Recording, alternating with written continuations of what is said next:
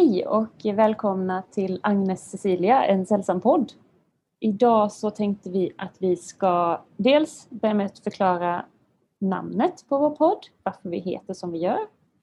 Eh, vi ska prata om böcker som vi har läst sen sist och vårt tema den här gången är att prata om bokcirklar.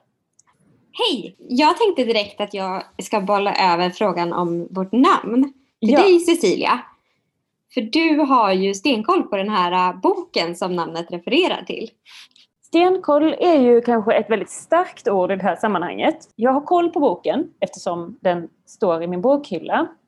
Det är ju så här, Agnes Cecilia är ju inte bara våra namn utan det är också namnet på en jättekänd eh, bok av Maria Gripe. Och jag säger inte jättekänd för att jag vill så här, göra ner folk som inte känner till den här boken. Vi kan väl säga så här att eh, jag är ju född på 80-talet och du är född i början på 90-talet.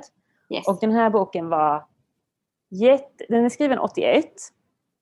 Ehm, Den heter Agnes Cecilia, en sällsam historia. Men jag tror att det här var sån som ja, men de flesta i min ålder läste den här boken någon gång i mellanstadiet, högstadiet, kanske gymnasiet.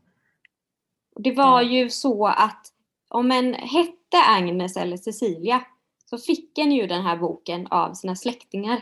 Ja, Ofrånkomligt. precis. Så båda vi har ju råkat ut för att få den här på grund av våra namn.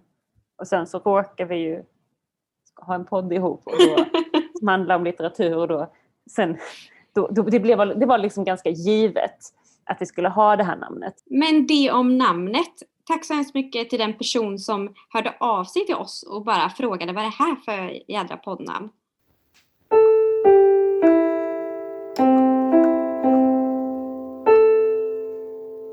Då går vi vidare. Agnes, vad har du läst den här gången? Den här gången har jag läst två böcker och en novell. Novellen eh, var en novell av eh, P.O. Enquist som jag gav till min partner i adventspresent. Inte bara för att vara snäll eh, utan också för att jag har en, en, eh, en ruta på mitt bokbingo att jag ska läsa en person jag ogillar. Och då tänkte jag, P.O. Edqvist ogillar jag. Och en novell är kort. Det blir jättebra. Så att då läste jag den. Och insåg att jag extremt sällan läser böcker med en manlig huvudkaraktär. Det var lite spännande. Det var dessutom en manlig huvudkaraktär som liksom eh, hade barn med sig. Och tog hand om barn. Och att det kändes jätte, jättefrämmande. Och som att jag så här, satte mig in i ett helt nytt universum. Och bara, hur tänker de? Eh, men nu när jag då har läst hans bok, eller en novell, så kan jag ändå förstå varför folk eh, eh, gillar liksom hans litteratur. För jag tycker att eh, språket var väldigt eh, vackert. Och liksom lite så, jag sögs in i det och ville liksom veta mer, så här, vad kommer hända? Jag tycker ändå att det var härligt och det var ju, det är ju väldigt trevligt med dialekt, alltså text som är skriven på dialekt. Ja, jag gillar också det. Eh, jag är sugen på att läsa mer av eh, liksom västerbottniska författare för jag har förstått att eh, det finns en hel del. Ja, jag är jättesugen. Jag, jag köpte faktiskt Kärdalen av Sara Lidman förra året. Den Mm. står här hemma. Så att, jag, är också, jag vet inte, det finns ju många därifrån. Jag har inte heller läst någonting av P.O. Enquist. Men har ändå varit sugen. Och Torgny Lindgren har man också hört så mycket bra om. Ja, alltså jag får viska nu då eftersom min eh, partner är hemma. Men eh, hon får ju i adventspresent då, varje advent, en novellix. Och de är från en samling med Mm. västerbottniska författare. Okej. Och då är det Torgny Lindgren, P.O. Enquist, Sara Lidman och Åh, en till. Ja, Stina Stor.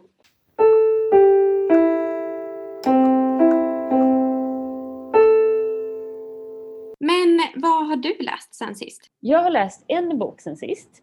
Den heter Att skörda ben och är skriven av Edwidge Dandycat. Väldigt osäker på eh, uttalet av det namnet. Men eh, det var en läskig titel. ja, och jag vet inte riktigt om jag någonsin fattade titeln alltså vad den liksom betydde.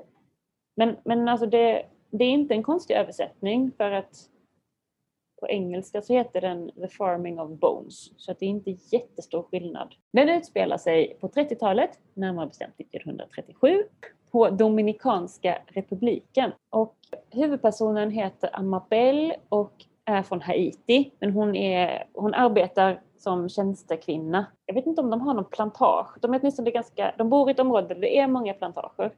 Så hon, eh, det är liksom en stor grej i den här omgivningen där de bor att eh, alla haitier jobbar på plantager eller som tjänstefolk och så. Och hon är ihop med en man då som jobbar på plantage som heter Sebastian, Sebastian eller något sånt. Eh, och hon jobbar i en familj som tjänstekvinna och frun i huset, eller vad man ska säga. De har liksom växt upp tillsammans. Hon kom till den här familjen när hon var barn. För att hon, eh, hon blev föräldralös. Eh, det, det finns här. Mellan Haiti och Dominikanska republiken så är det en gräns som består av en flod. Och den här floden kunde folk då ta sig över mer eller mindre lagligt. Och hon hade varit på Dominikanska republiken med sina föräldrar. De hade varit på någon marknad och skulle tillbaka hem. Föräldrarna går i floden för de skulle simma över. De kunde inte använda bron. Jag förstår inte riktigt varför, om det var att det var lite olagligt. Som, ja, I alla fall så gick de i vattnet för att simma över. Pappan skulle hjälpa mamman och sen skulle han komma tillbaka och hämta Amabel. Men båda drunknar på vägen över. Så hon är liksom föräldralös sen hon var liten. Och då så satt hon där och stirrade på floden efteråt och bara, vad ska jag göra nu liksom? Och då kom den här från dominikanska familjen förbi och hade tagit med sig henne hem. Och så hade hon växt upp där då med dottern i den familjen. De var lite gamla, verkade ha haft en, liksom en ganska nära relation som barn. Och ja, det boken börjar i alla fall när de är kanske, jag vet inte riktigt hur gamla, men säg 25 kanske. Och det börjar med att frun i huset ska föda barn. Det finns ingen annan där, så Amabel får liksom hjälpa till med förlossningen. Och hennes föräldrar var någon slags, man säga, örtläkare förlöste barn och så, så hon vet typ hur man gör. Så hon, ja, hon sätter igång och förlöser tvillingar. Så det är liksom början. Och det byggs liksom upp lite så här, man följer hennes liv. Hon har det ändå ganska bra. Hon blir rätt så väl behandlad i det här hushållet. Rätt så väl behandlad säger jag. Eh, det finns undantag. Och det finns en väldigt tydlig maktskillnad för de här två barnen som föds, en pojke och en flicka. Först föds pojken, han är väldigt ljus och fin och sen föds flickan och har ganska mörk hy. Och då så säger mamman, åh vad tråkigt för henne, tänk om folk tror att hon är en av er. Oh. Ja, så Den det, var inte fin. Nej, det är inte, det är inte trevligt. Men Amabel har det så pass bra att hon liksom ändå, hon tror att, att liksom, hon känner att hon kommer undan mycket liksom, som kanske drabbar andra. Och det börjar gå rykten i den här dalen, de har liksom kontakter mellan alla husen och så. Det börjar gå rykten i dalen om att alla haitier ska mördas. Och hon tror inte på det. Hon bara, varför ska de mörda oss liksom? Och jag kommer inte bli mördad för att jag är ju ändå, jag har det ju bra här och så.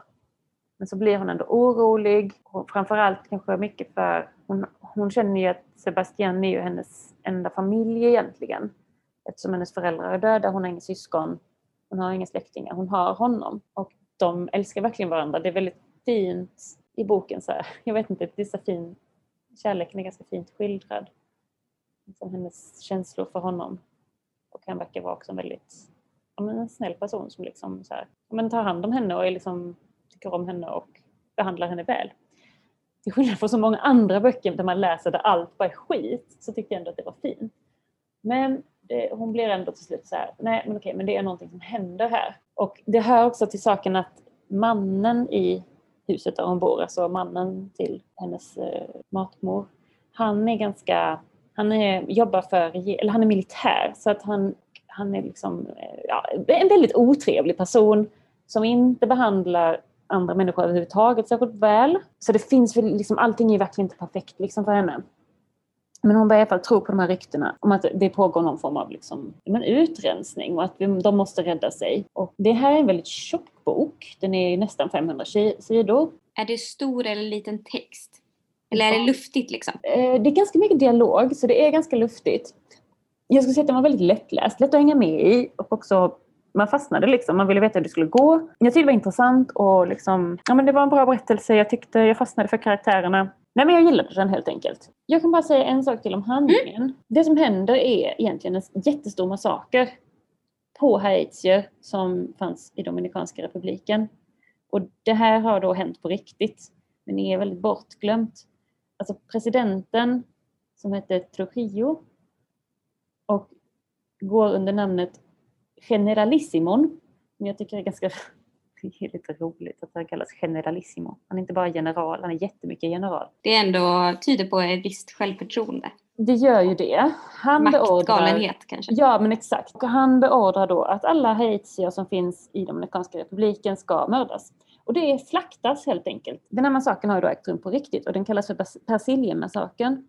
För att till historien hör ju då att på Haiti pratar man franska eller fransk kreol och på Dominikanska republiken pratar man spanska. Och på spanska så heter persilja perejil och på, ja, på kreol så heter det någonting annat. Men det betyder också att de som pratar kreol har svårt att uttala dels det här r och de sa kanske hehue. det, det stod liksom i någon slags så fonetisk skrifttyp, så peojil. Mm. Alltså Var det som att man kunde avslöja då vem som var vem ja. utifrån det? Ja, jag tror också att det är fler svarta på Haiti än i Dominikanska. Det verkar också som att svarta dominikaner blev mördade under det här och alla så, dominikaner som försökte hjälpa Haiti blev också dödade. Eller många i alla fall.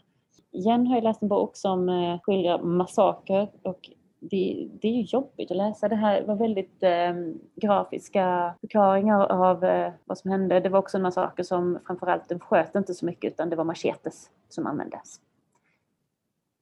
Usch. Eh, så, men jag tyckte den var väldigt bra och jag tyckte ändå att det inte blev liksom ett eh, badande i blod utan att eh, det skildrades väldigt snyggt. Behöver man liksom vara på en liksom speciell plats mentalt tror du för att liksom läsa den här? Typ, ska man inte vara för deppig eller ska man typ inte vara för glad för att då kommer man dras ner eller kan man liksom läsa den både nära och med distans? Liksom? Ja men det jag tycker, alltså jag tycker inte att den var så att, som jag sa så jag tyckte ändå att den var väldigt lättläst. Alltså det, och att det, det är jobbigt att läsa såklart, men jag kände inte att jag blev deprimerad av den egentligen. Inte värre än många andra böcker i alla fall. Nej, många bra böcker är ju också väldigt tunga. Ja, men jag skulle nog inte beskriva den här som tung trots, trots ämnet och trots att det egentligen är jättemycket hemska saker så jag kan inte på, jag, nej, jag tycker nog inte att den liksom gjorde mig ledsen så.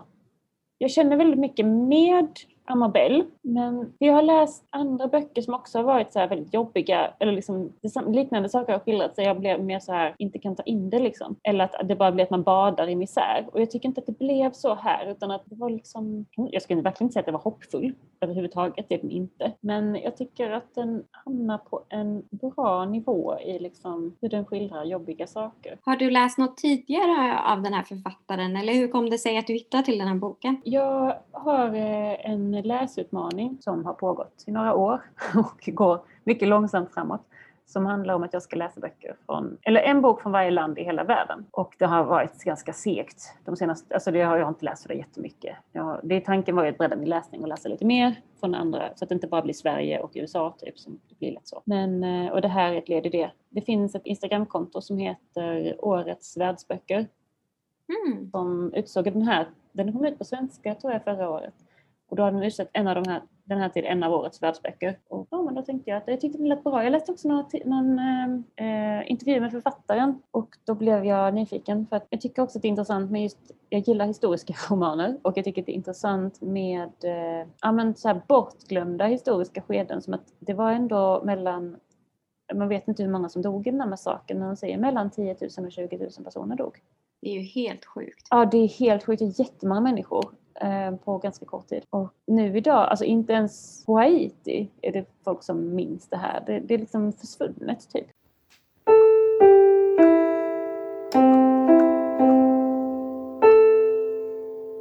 Ska vi gå vidare? Ja, det tycker jag. Du, vad hade du mer läst Agnes? Jag har läst eh, två till böcker. Den ena är en bok som heter Mörkrummet av Susan Faludi. Och det är liksom en biografi om Susan Faludis pappa. Den är skriven på ett sånt sätt så att författaren är liksom inbakad i berättelsen. Eller så här, hon söker upp sin pappa och liksom skriver om deras möte i princip och liksom berättar pappans historia. Eh, fast hon är liksom själv delaktig i historien genom att liksom berätta sina minnen också eh, av pappan. Och den är skriven 2014 tror jag. Och, eh, alltså det är typ den, en av de största läsupplevelser jag har haft på länge. Och det är ett väldigt bra betyg för att jag eh, känner att det är så sällan som jag läser någonting som verkligen får mig att så här, eh, tänka eh, och tänka nytt och ställa liksom frågor, ja, men tänka på nya frågor och på nya teman utifrån ett helt annat perspektiv. Och eh, det som den här boken dels handlade om var att Susan Faludi, eh, jag vet inte om ni känner till henne ni som lyssnar, men hon är en sån ganska klassisk feministisk eh, amerikansk författare och journalist. Hon har skrivit bland annat Backlash och Ställd. Jag tror Ställd är en, en bok som handlar om typ manligheten eller någonting på. Och den är skriven kanske på 90-talet eller något. Så hon var väldigt stor på typ 80 och 90. Och den här boken då, den handlar om hennes pappa eh, som hon eh, växer upp tillsammans med i USA. Och hennes minne av pappan är liksom en våldsam man som misshandlar både henne och hennes mamma både fysiskt och psykiskt. Och när Susan eh, växer upp liksom och börjar eh, utbilda sig och liksom engagera sig politiskt så slutar hon att träffa pappan som eh, återvänder till Ungern där pappan är född och uppvuxen. Eh, och de hörs liksom inte på typ 25-30 år eller något sånt. Och sen plötsligt dimper det ner ett mail i Susans eh, mailbox från pappan, out of the blue, där det bara står så här Hej, eh, ni kan eh, fortsättningsvis kalla mig för Stephanie. Jag har genomgått en eh, könsbekräftande vård. Och så är det liksom bilder på pappan då som Stephanie. Som är en så här superfeminin äldre dam. För pappan är vid den här tidpunkten 76 år gammal. Och Susan blir ju jättechockad för att plötsligt så har liksom hennes så här våldsamma mm, macho pappa blivit en, liksom, en rar gammal dam som söker kontakt. Gud vad spännande! Eller vilket jättekonstig krock det måste bli i hjärnan liksom. Ja men verkligen! Och det som är så spännande då är att hela idén till den här boken föds i det ögonblicket. För att pappan som då är ganska självcentrerad och har alltid varit det liksom under Susans hela liv. Och det har liksom inte försvunnit med den här eh, transitionen utan Stephanie då är liksom fortfarande väldigt upptagen av sig själv och skriver sen senare till Susan att så här, du, eh, eh, du kan ju skriva en bok om mig. Mitt liv är ju jätteintressant. Det borde du göra. Kom till Ungern och så kan jag berätta eh, för dig om mitt liv och så kan du skriva en bok om det. Det passar dig perfekt. Du är väldigt intresserad av kvinnor typ. och varpå hon, Lexusen Susan då, bara så här, drabbas av massa olika sorters känslor. Liksom. Å ena sidan ilska, så här, varför hör du av dig efter typ 25-30 år och, och liksom förväntar dig att jag ska vilja ha någon kontakt med dig. Men också en nyfikenhet att liksom, men hur är det möjligt? Så här, hur kan den här pappan som jag minns gå ihop med den här nya människan? Så att eh, hon kommer liksom på sig själv med att svara på det här mejlet och bara så här, så här hej, ja, eh, vad spännande, så här, jag kommer till Ungern. Så då åker hon till Ungern och börjar på den här boken helt enkelt. Spännande det låter. Ja, alltså den, den är så spännande. Dels för att den behandlar liksom transfrågor utifrån ett, både det att en äldre person eh, som genomgår eh, könsbekräftande vård och eh, också att det är den här väldigt liksom extremt maskulina, våldsamma mannen som liksom förändras till något helt annat. Men en annan aspekt som också är väldigt intressant är att eh, få ta del av Ungerns historia. Mm. Eh, jättemycket. För i och med att den liksom, större delen av boken utspelar sig i Ungern och eh, pappan är liksom uppvuxen under andra världskriget. Så man får liksom följa typ Ungerns utveckling från ja, men någon gång i början på 1900-talet fram till idag och liksom hur det, har, det landet har liksom formats av dels här, den judiska befolkningen som har varit väldigt betydelsefull för Ungerns liksom, kulturliv och liksom arkitektur och massa, massa aspekter. Liksom. Men också av kriget alltså andra världskriget och förföljelsen av judarna och Ungerns roll i detta. Alltså det var så många grejer som jag liksom aldrig hört talas om. Eller liksom snuddat lite så här, ja, men jag visste typ att så här, ja, men Ungern var ju inblandad i andra världskriget och ja, samarbetade inte de med Hitler, hur var det nu igen? Och liksom så. Och jag har min bild av Ungern idag som ett liksom icke-demokratiskt land och väldigt främlingsfientligt och sådär. Men så mycket mer liksom vet jag inte, eller visste jag inte om Ungern. Och när jag läste den här boken så var det som att jag bara shit, historia kan ju vara jätteintressant. Det får man ju hoppas att du tycker. Ja, det är lite roligt att jag upptäcker det nu eftersom jag är nästan färdig historielärare. Men det slog mig verkligen att så här, shit, historia kan vara så många olika saker och att vilken vinkel eller ingången har till historia är avgörande för huruvida det liksom kan slå an hos den som läser om det. Och för mig så var den här ingången just liksom kring maskulinitet, femininitet, kring sexualitet jättegivande. liksom, givande.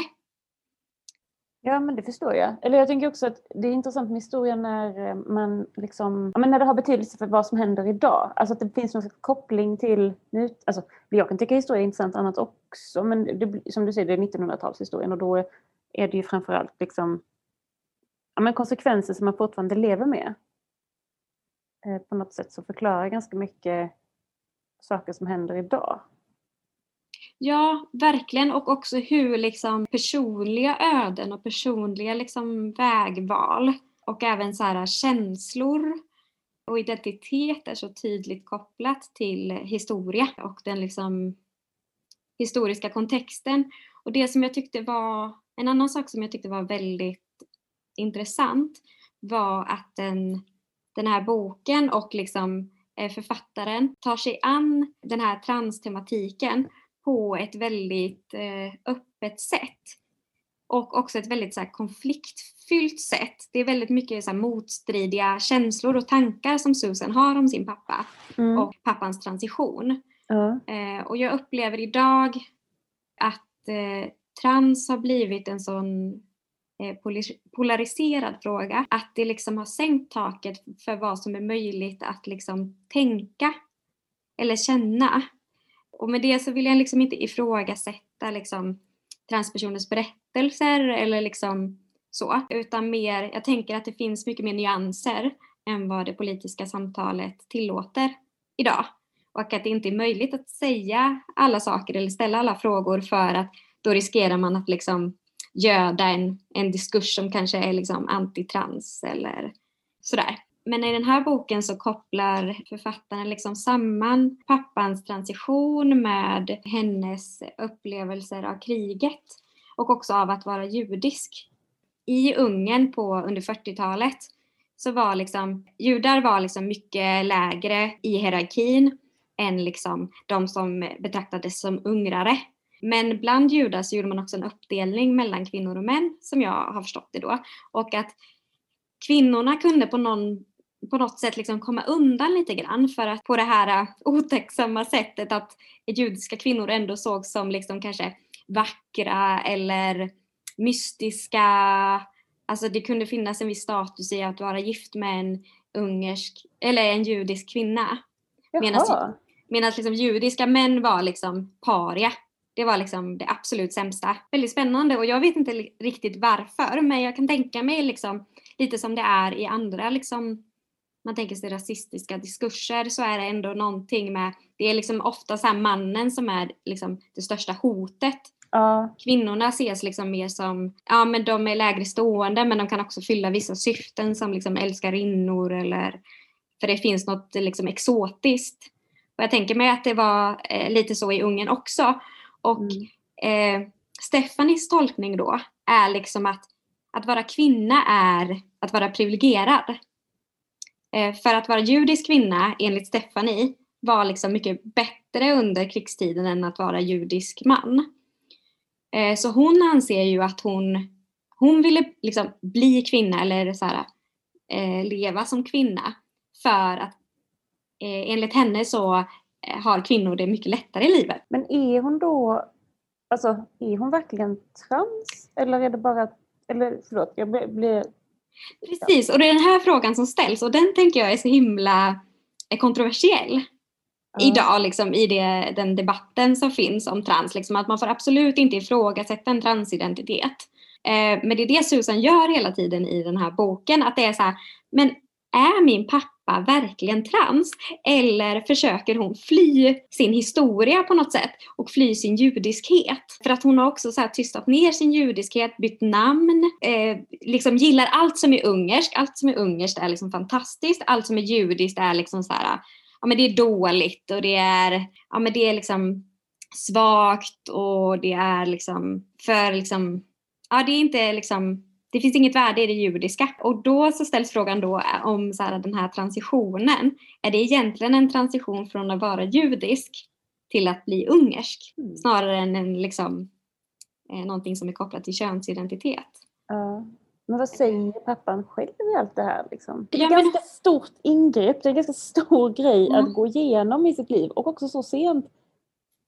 Jag har inte själv läst den här boken, men jag var, var liksom var... Ja men eh, hon är liksom väldigt motsägelsefull och också väldigt ovillig att prata om historien. Alltså hon är så här, nu är jag kvinna, det här är jag, allt som har varit innan är ointressant. Det är så här ointressant med eh, liksom Ungerns eh, delaktighet i förföljelsen av judar. Och eh, då var Ungern den, eh, det land som under kortast tid deporterade flest judar till koncentrationsläger. Och eh, hon vägrar kännas vid det. Hon är så här, nej men Ungern har inte är liksom inte ett eh, rasistiskt land, det har det aldrig varit och man kan vara vem man vill här typ. Och, så hon förnekar liksom hela, både sin privata historia som till exempel har varit en våldsam, levt som en våldsam machoman det förnekar hon totalt. Hon förnekar hela Ungerns historia. Så det är som att Ungerns historia och hennes historia är liksom samma. Och båda ska behandlas bara utifrån nuet. Och det är också ett mm. väldigt selektivt nu. Där allt som liksom är jobbigt eller liksom ifrågasätter hennes bild, det finns inte med. Ja, för jag eh. tänker att det inte, jag tänker ju inte på Ungern som en förkämpe för hbtq-rättigheter direkt. Nej, och det är också jätteintressant. Typ. Och så visar det sig att de har, typ, har haft en av de liksom, öppnaste eller liksom, transvänliga lagstiftningarna i hela Europa. För att de i för att få komma med i EU gjorde en så radikal förändring av lagstiftningen kring mänskliga rättigheter och då liksom typ råkade inkludera transpersoner. Och sen var det lite som att de kom, bara satt där plötsligt med världens bästa transvänliga lagstiftning och bara what the fuck. Har de kvar den? Nej, nu har de tagit bort den. Men det här var alltså typ, eh, boken skrevs ju 2014 så jag tror att den här lagen infördes någon gång på 2000-talet och sen så togs den bort ganska, alltså någon gång på 2010-talet liksom. Ja, okay. Så att det, det, är också jättespännande liksom, att när pappan då liksom ska, ska komma ut som trans och leva som kvinna så gör hon det i Ungern av alla land, länder i hela världen. Liksom. Den här pappan verkar ju vara en väldigt eh, speciell person och det i boken så är det ganska snyggt gjort typ för att pappan har alltid jobbat med foto och olika typer av så här trickfoto typ. Alltså tänk photoshop fast liksom innan sånt fanns och blev liksom expert på liksom trickfoto eh, och manipulera bilder och sådär. Och genom hela boken så kopplas liksom Stephanies yrke som liksom trickfotograf eller vad man ska säga till att, att hon liksom manipulerar allt i sitt liv och sin identitet. Alltså allting kan, man kan ljuga. Liksom. Det finns inga gränser för vad man kan ljuga om. Och att det visar sig till och med att, liksom, att hon har ljugit för att få igenom sin transition. För egentligen var hon för gammal. Det var liksom inte lagligt att göra det. Men då har hon, har hon liksom förfalskat så här läkarintyg. Så man blir liksom helt mindfuckad och bara vad är det som är sant och vad är inte sant? Jag har ingen aning. Får jag ifrågasätta den här liksom transerfarenheten. Och det, den här processen genomgår också liksom författare. Och man, det är väldigt fint för man får vara del av hennes process kring pappan och hur hon på ett sätt så här, närmar sig sin pappa för första gången i livet men också behåller de här eh, känslorna av att så här, du har faktiskt misshandlat mig och min mamma, du har lämnat mig, du har ljugit. Men ändå så finns det liksom en någon slags kärlek eller någon slags liksom band dem emellan som är väldigt eh, eh, ja, men väldigt så här, eh, intressant att ta del av. Det väcker liksom, för mig väckte det jättemycket frågor om liksom att så här, vad kan man försonas med? Hur hanterar man sådana här dubbla känslor till en familjemedlem?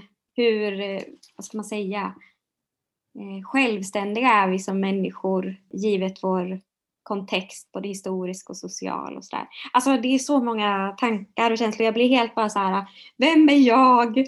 Varför känner jag som jag gör? Varför har jag tagit de beslut jag har tagit? Hade jag gjort det i en annan kontext? Ja, du vet. Ja. Jag, alltså jag har hört talas om den här boken. Eh, tror jag när den kom, kanske när den kom på svenska. Jag vet att jag såg en intervju med Susan Faludi och sådär. Men sen har jag också hört kritik mot den just från kanske transpersoner. Jag förstår att man kan ha kritiska synpunkter också. Men jag tänker att det är viktigt att den här typen av berättelser också finns. Därmed inte sagt liksom att det är den enda, absolut inte. Nej, och just den här berättelsen verkar ju också vara väldigt, alltså den är ju väldigt subjektiv. Den verkar inte ge sig ja. ut för att ha, föra någon slags talan för alla transpersoner i världen utan pratar ju om den här ganska speciella personen. Så att ja. Då kan det ju definitivt vara intressant att läsa.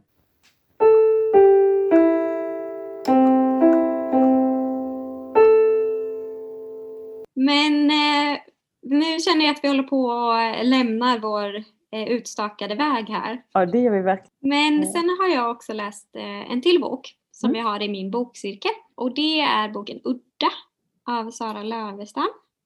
På riktigt, har ni läst den? Den står ja. i bokhylla här. Jag hade tänkt läsa den i år men det har inte blivit av. Berätta allt. Vi valde den här boken för att vi har olika teman i bokcirkeln. Och den här gången var temat eh, funkis.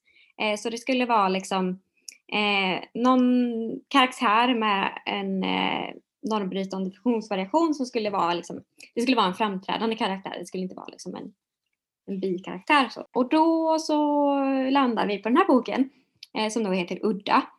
Och den handlar om, det är en roman, faktiskt Sara Lövestams första roman. Men så den här boken, den handlar om en eh, kvinna som heter Paula eh, som är född med en fysisk funktionsvariation. Eh, hon har inga ben eh, och sitter i rullstol.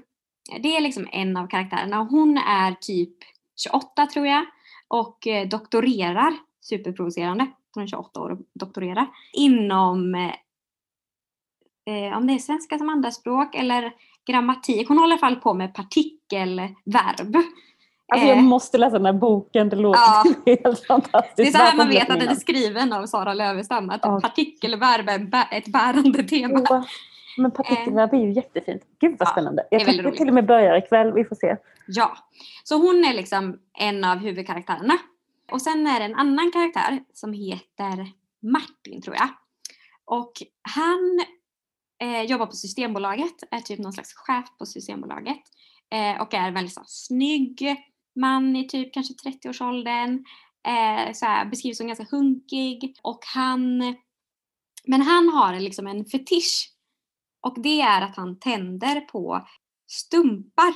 Och eh, sen så är det en tredje eh, huvudkaraktär som heter Lelle som är Martins kompis. Och hon är liksom en dunderflata. Hon är så jättegrov i mun, ser så ganska så här sluskig ut, super mycket, ligger runt. En stereotyp men också jag känner oerhört mycket igen den här typen. Jag har träffat den väldigt många gånger. Vi vet alla vem det är. Men, och så är här liksom de tre huvudkaraktärerna. Och så handlar det liksom om Eh, det börjar med att Martin och Paula träffas på ett nätforum, alltså ett forum. Och så här, Paula är väl lite så halvtaggad på det här med liksom att dejta för att eh, hon har väldigt negativa erfarenheter av det. Hon har också liksom en det är någonting med hennes ansikte så att det, liksom, det är liksom deformerat på något sätt. Och att hon har väl liksom erfarenheten då att eh, alla säger typ att så här, utseende spelar ingen roll och sen träffar de henne och så hör de aldrig av sig igen. Liksom. Uh, och den här Martin är ju såhär bara, ja men jag, det här är det bästa, det här är det vackraste jag vet, typ, jag älskar stumpar, eh, ditt ansikte är typ magiskt och hon bara, du är sjuk i huvudet. Alltså förlåt men används alltså ordet stumpar i boken? För det låter ja. groteskt. Typ. Ja, jo men alltså det är, jag blir så himla förvirrad vad jag ska tycka. För att det är liksom, den går typ över alla gränser, typ hela tiden. Och framförallt den här karaktären Lelle då, Flatan.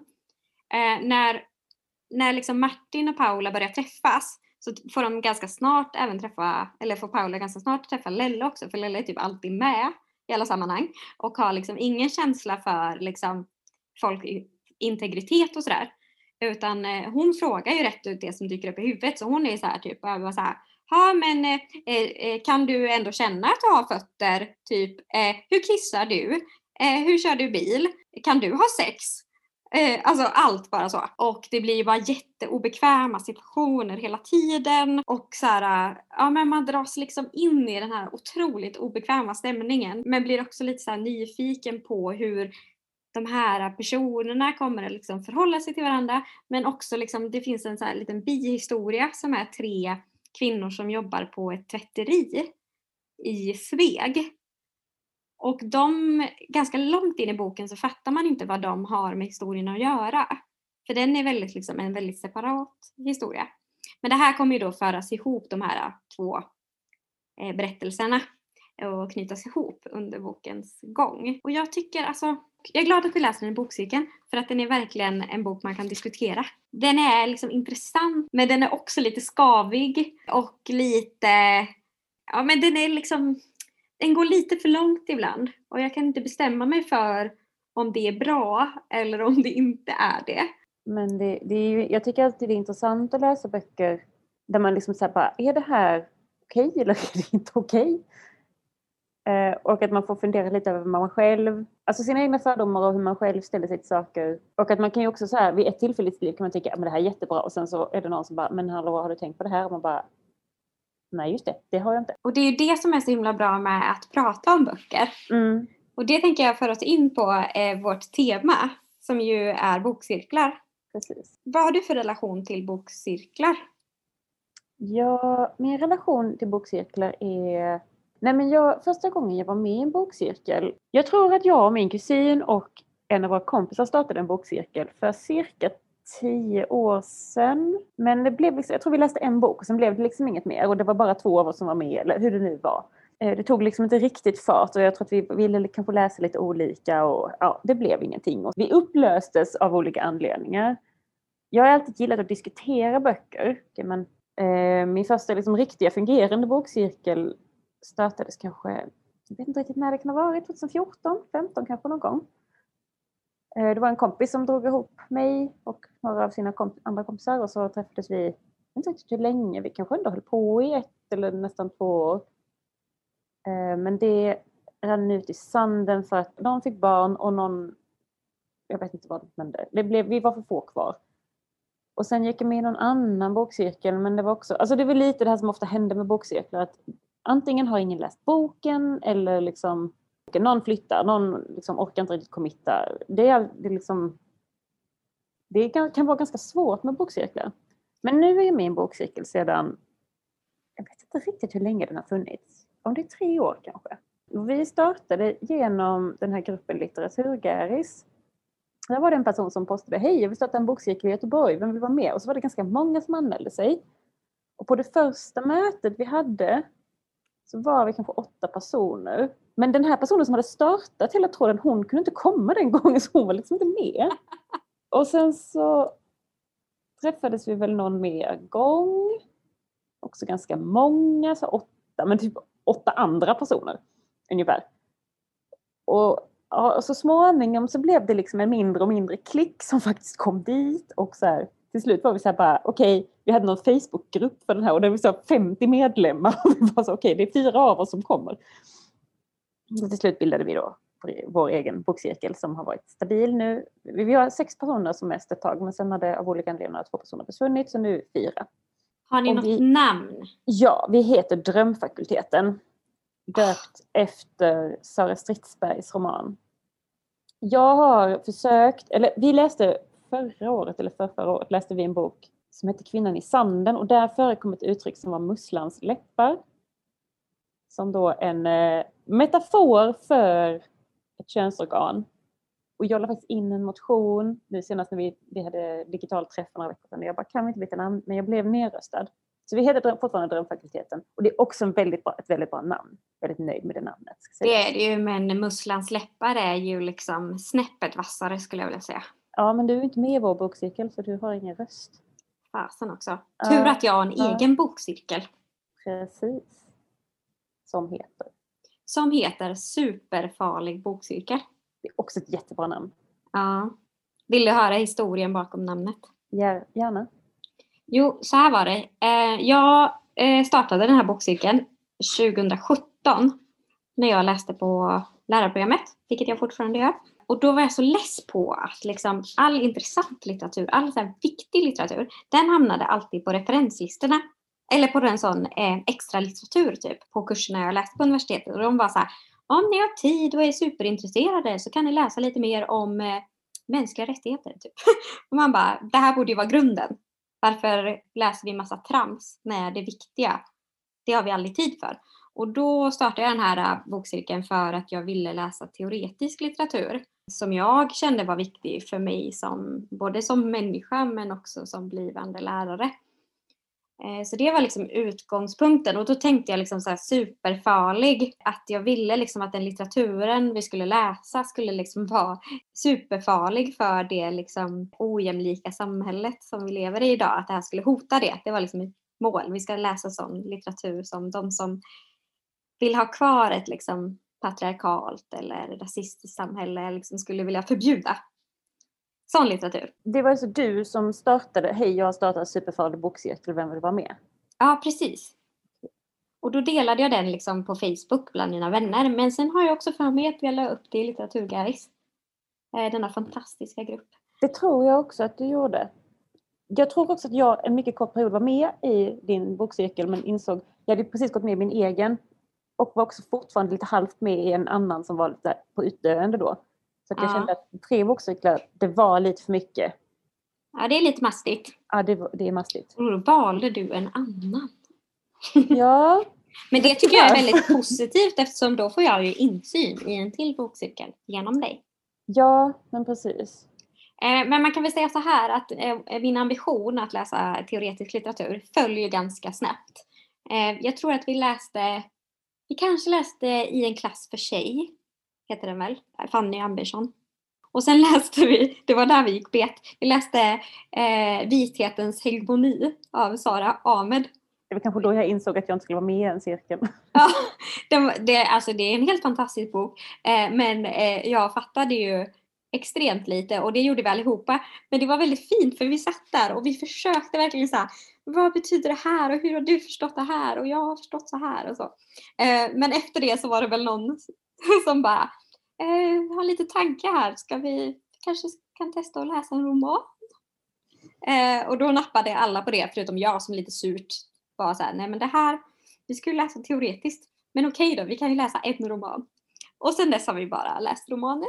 Precis men vad tråkigt. Eller så här, för jag, jag kan ju förstå så här att man vill blanda lätta och svåra saker. Men jag menar all teoretisk litteratur är inte heller svår. Nej, Alltså, jag kan ändå förstå att så här, okej, om jag vill läsa teoretisk litteratur så är det väl det man ska handla om. Eller så kan man varva lite, lite och sådär. Men, eh, ja, men sen har jag ju insett att för mig så är bokcirkeln liksom ett sätt att läsa litteratur jag kanske annars inte skulle läsa. Och jag läser ju väldigt gärna teoretisk litteratur. Så jag läser liksom den ändå. ah, okej, så Ehm. syftet uppnås ändå. Ja. Eh, så nu har vi liksom gått från att vara en eh, teoribokcirkel till att vara en bokcirkel som försöker läsa eh, böcker vi annars inte läser. Och då kanske lite med fokus på liksom, ja men utifrån en så feministisk eh, och postkolonial förståelse av att vi liksom, vi vill inte bara läsa vita författare, vi vill inte bara eh, läsa kvinnor är det nog i det här fallet. För vi läser väldigt mycket unga vita kvinnor har vi märkt i början. Men då kan Eh. vi ju läsa den här eh, Att skörda ben. Eller du, Mm. ni kan läsa den Att skörda ben. Den är ju både postkolonial och skriven av en icke-vit person. Utspelar sig inte i Sverige eller USA. Det är skitbra. Och är väldigt bra. Det är ett mycket bra tips. Ja. Ehm, men jag håller väl med dig lite där om att eh, bokcirklar är ju liksom idealbilden av bokcirklar eh, är ju ganska svår att uppnå i verkligheten. Ja. Oftast så är det ju så att eh, man inte är sugen på att läsa det man liksom måste läsa. Inte för att man måste, men det känns som att man måste. Och att man ska få till en tid som funkar för alla. Och sådär. Och man ska liksom läsa böcker som man kanske själv inte hade valt. Liksom. Men jag tycker ändå att det är värt det. För att det gör att man alltid läser. Alltså ja. även om man har en dålig läsperiod så läser man åtminstone en bok. Ja. Hur ofta träffas ni? Vi träffas ungefär en gång i månaden. Så ni läser en bok i månaden i bokcirkeln? Ja. Det är bra jobbat. Vi ses ungefär varannan månad. Mm. Vi hade nog ambitionen från början att det skulle bli mer men det är också det beror också på vem som är med. Alltså, många läser liksom, de måste läsa andra böcker också på grund av sitt jobb eller så. Mm. Och så kanske man också vill välja någonting själv och då har det liksom... Sen så tror jag att vi alla skulle vilja ses oftare. Och vi har ibland setts utan att prata om böcker. Jag försökte starta en grej, och det var, var väl kanske ungefär förra året vid den här tiden. Så att sen eh, av ja, skäl som vi alla känner till så var det här tvunget att avbrytas. Men att, eh, att vi träffades jag bjöd hem alla till mig och så sa ta med din egen bok och så ska vi sitta och läsa. Typ. Åh vad mysigt! Det var, ja, det kom en person och vi hade jättemysigt. Det var jättetrevligt och vi var gud vi måste göra det här igen och sen kom corona och vi kunde inte göra det igen. Men eh, det kommer, det kommer. Det är en fantastisk idé. Alltså det är typ den bästa, det bästa umgänget jag vet att få sitta en varsin ände av soffan och läsa bok. Eller hur? Och så hittar man ett bra ställe och bara haha lyssna på det här. Ah. Eh, så blir man ju lite när den andra personen gör samma sak och man bara, men jag läser här faktiskt också. men jag vet inte, jag har så romantiska bilder från min eh, barn och ungdomstid av att det här hände väldigt mycket. Eh, att man typ satt tillsammans och läste böcker. Alltså inte mm. alla jag kände, men liksom min kusin då till exempel. Vi ofta umgicks genom att läsa böcker. Och vi kunde också så läsa veckotidningar tillsammans. Låg på golvet med uppslagen tidning och hon fick alltid vänta på mig för jag läste så långsamt. Åh, det låter så fint. Det var jättefint. Men jag tänker att också under rubriken bokcirklar kan vi ta upp oh, två saker. Dels vill jag, vill jag prata om vad, alltså hur väljer man ut böcker till sin bokcirkel. Men att vi också kanske ska prata om ett fint koncept som du har startat som heter Läscation. Ja, som just det! Som ju också är typ som en bokcirkel. Ja. Men vi kan ju börja kanske i hur, hur, ni väljer, hur väljer ni böcker i Superfarlig bokcirkel? Eh, från början så hade vi så att vi gjorde en omröstning varje gång och då fick alla lägga upp liksom vilken bok de ville och också hur många böcker de ville. Och sen fick man rösta på hur många böcker man ville också och så blev det den helt enkelt som fick flest röster. Eh, men sen efter ett tag, alltså det var kanske ett år sedan eller ett halvår sedan bara, så var det en av medlemmarna som hade tittat lite på vad, vad vi hade läst för böcker. Och då hade hon räknat på det och konstaterat att vi framförallt läste vita unga kvinnor, deras böcker. Mm. Och att hon föreslog att vi skulle bredda oss, försöka bredda oss på olika sätt. Och det tyckte vi var en jättebra idé. Och så då kom vi fram till att vi istället, för att grejen var inte det att det inte kom upp olika förslag. Alltså när man tittade på våra förslag så hade vi en väldigt stor bredd. Men de som vann var liksom alltid typ unga vita kvinnor. Mm. Ehm, så då bestämde vi istället att vi skulle ha olika teman varje gång. Ehm, så så har vi gjort sedan dess, men vi röstar fortfarande liksom på samma sätt och så. Och jag tycker det funkar ganska bra. Och det är också roligt när man har teman, för då får man liksom tänka till lite mer. Hur gör ni? Vi, jag tror att vi ganska snabbt hamnade i just det här med tema. Och alltså vi bestämde tema från början var det lite komplicerat. Vi, vi röstade först om vilket tema vi skulle ha. Och sen, när vi bestämt det, då röstade vi om böcker. eh, men det här blir långa processer och någon glömde rösta. Och det var, det var, och så sen ska man rösta om när man ska ses och vart man ska Eller ses. Hur? Alltså, det, ja. Men så efter ett tag så blev det att de som var på mötet liksom, fick bestämma temat. Och sen röstade man om boken. Och nu har det nog blivit lite mer, alltså vi är ju bara fyra stycken och vi har lärt känna varandra rätt bra så att nu känns det som att vi ganska så här bara antingen är det någon som pratar om någon bok och bara, men kan vi inte läsa den och så gör vi det. Eller så är det någon som bara, men vi har inte läst det här, vi försöker också liksom bredda oss. Men jag tycker nog ändå att jag lyckas läsa ganska brett. Det är väldigt mycket kvinnor. Frågan om vi har läst någon manlig författare. Ja, jag kan se här att sen vi började med teman så har vi haft tema Mellanöstern och Nordafrika. Det var ett tema. Sexualpolitik. Latinamerika och funkis då som vi gör nu. Sen har vi massa förslag framåt. Så att det är liksom när man väl börjar tänka så så inser man ju också att så här, teman är så mycket mer. Man hamnar ju så lätt i typ så här, det ska vara från olika länder. Eh, och det är ju också kul. Men till exempel så har vi ett tema här, ser jag, som, som jag kanske ska ha i framtiden som är en huvudkaraktär som är 70 plus. Mm. För att det är så väldigt sällan, i alla fall jag läser om liksom äldre människor.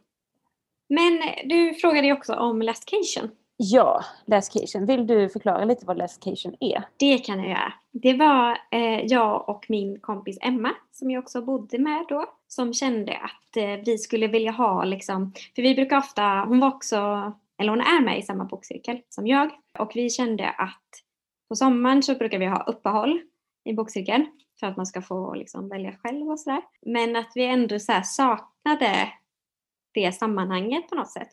Och då startade vi något som vi kallar för Lescation som var liksom som ett läsläger eller läskollo där vi stack till min sommarstuga i Varberg. Ett gäng personer. Det var någon från bokcirkeln och andra vänner som gillar att läsa. Och jag. Eh, och du. Eller jag kan få räknas till andra vänner.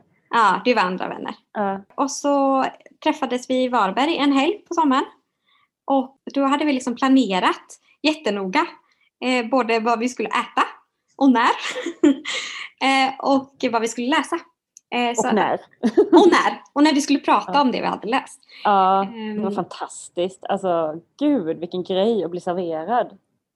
Ja men det, det var väldigt roligt alltså. Vi, eh, Eh, det var roligt liksom att få planera och också att andra läser liksom det man själv har valt på något sätt.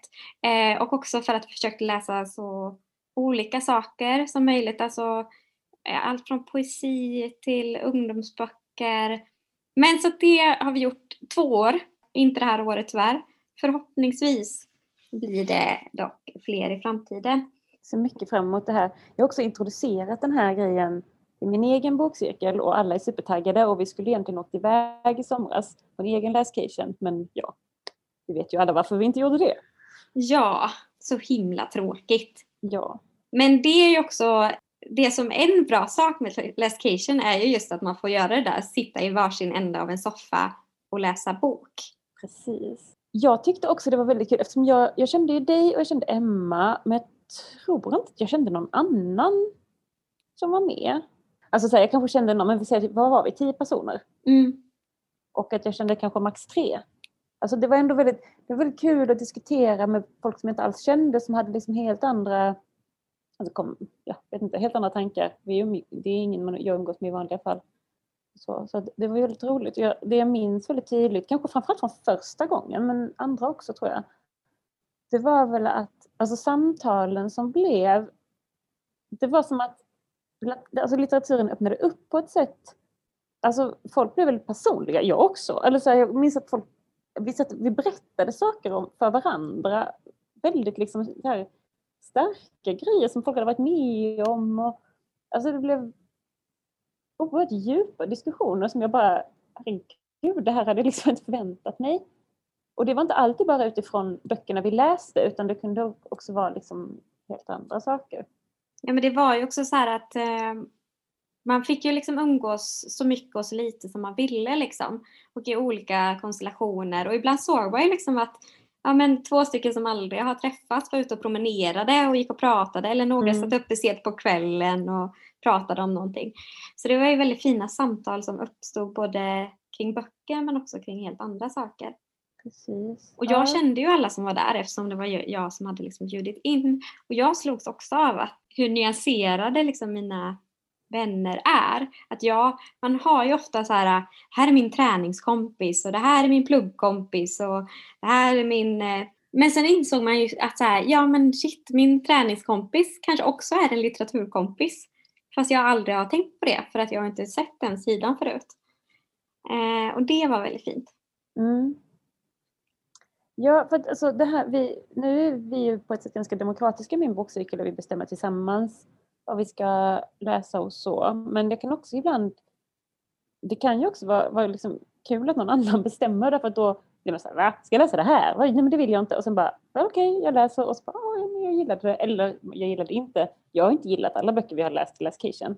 Men det har inte heller spelat så stor roll. Och det finns ju också böcker som jag kan få in, framförallt poesi. Jag, jag, jag förstår inte poesi. Är inte min genre. Och så läser jag ju bara, alltså förlåt men vad är det här? Och jag är helt jätteskeptisk och sur. Oftast sur. uh, och så är det någon annan, för du, jag är ju typ den enda i det här sällskapet. Det är ändå varierat sällskap. Men jag är den enda som verkligen ogillar poesi, tror jag. Ja, du är väldigt tydlig i det. Jag är väldigt tydlig, men jag har inte heller märkt att någon annan bara, ja, nej, jag håller med dig. Utan antingen är folk mycket trevligare eller så gillar de poesi. Jo, att det som händer är ju när jag kommer där och är skeptisk och så kommer någon och säger jo men jag tänker så här och så här och jag bara Jaha, okej. Okay. Och sen så blev det typ jätteintressant och sen så, jag kommer ihåg att vi, det var, vi läste den här Hackers ja! av Åsa Berg och det var när jag bara, men det här är ju bara flum, det är bara random ord på en sida. Jätteupprörd var jag. Och så var det någon, jag tror, det var inte bara jag som tyckte att den var konstig. Eh, Nej. Det var fler. Men, men ändå, jag var kanske mest arg.